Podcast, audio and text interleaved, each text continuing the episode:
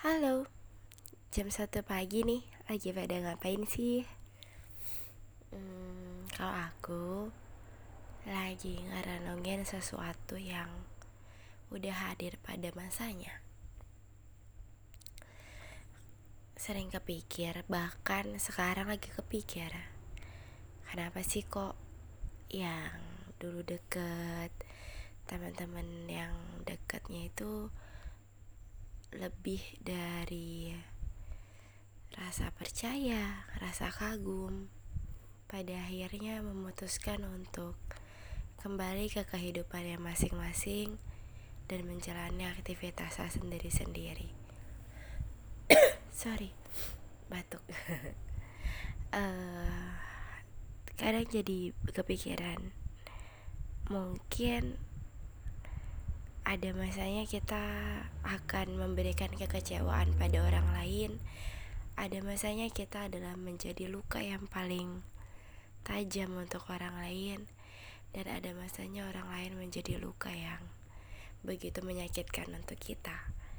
Jika teman-teman mengalami hal seperti itu atau sudah menghadapi fase yang sama seperti itu, sadarlah sebenarnya bukan karena kita ditinggalkan atau karena kita meninggalkan, tapi fase buat kita jauh lebih belajar bahwa tumpuan kebahagiaan itu ya di diri sendiri.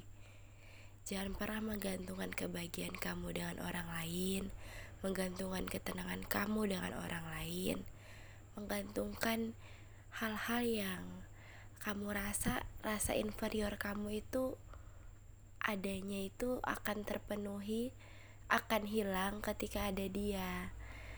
Tapi sekarang belajarlah untuk bisa seutuhnya menerima diri dan menganggap bahwa meskipun diri kita inferior tapi kita juga bisa menjadi superior dengan versi terbaik kita.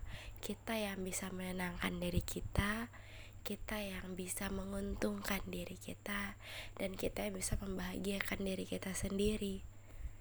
Kalau terus-terusan bersandar di bahu orang lain, kapan kamu jadi tegap berdiri untuk bahagia kamu sendiri?